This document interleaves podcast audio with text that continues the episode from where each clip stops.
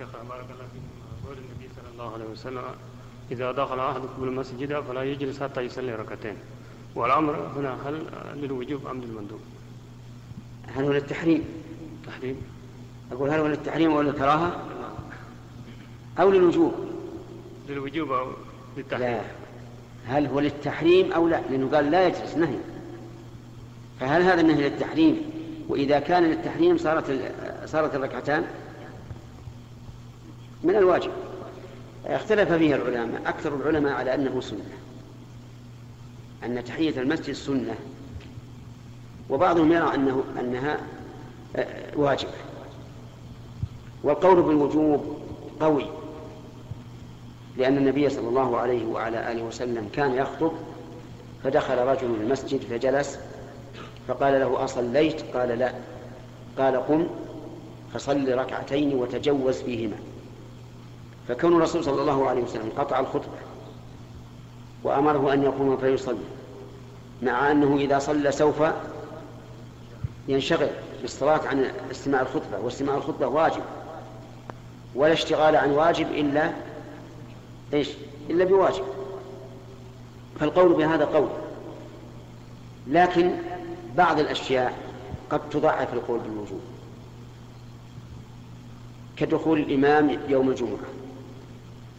فإنه يصعد المنبر ولا يصلي. وكدخول الإنسان المسجد الحرام للطواف فإنه يطوف ولا يصلي. وكذلك أيضا قضايا ظاهرها عدم الوجوب مثل قصة كعب بن مالك رضي الله عنه حين تاب الله عليه. فجاء فدخل المسجد وقام الناس يهنئونه. وظاهر القصة أنه لم يصلي ركعتين. فهذا مما يضعف القول بالوجوب لأن القول بالوجوب ليس بس مجرد واجب وغير واجب. القول بالوجوب يقتضي أن من جلس ولم يصلي فهو فهو آثم. وثبوت الإثم مع الاحتمال يتوقف فيه الإنسان. لكني أنا أقول لكم أيها الإخوة نصيحة عامة. إذا ورد النهي فاجتنبه. ولا تسأل هل هو التحريم ولا الكراهة. إذا ورد الأمر فاتبعه ولا تسأل هل هو للوجوب أو للاستحباب فالصحابة رضي الله عنهم إذا أمرهم الرسول بشيء ما يقولون يا رسول الله قصدت الوجوب أو أو الاستحباب؟ يفعلون على طول. والحقيقة أن الإنسان يتهم إذا سمع أمر الله ورسوله ثم قال هل هو للوجوب أو للاستحباب؟ أنت مأمور. أن تفعل. إذا سمع النهي يقول هل للكراهة أو للتحريم أنت مأمور أن تترك.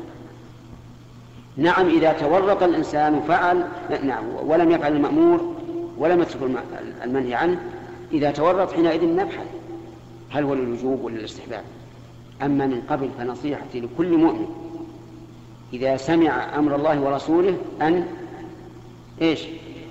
أن يقول سمعنا وأطعنا ويفعل.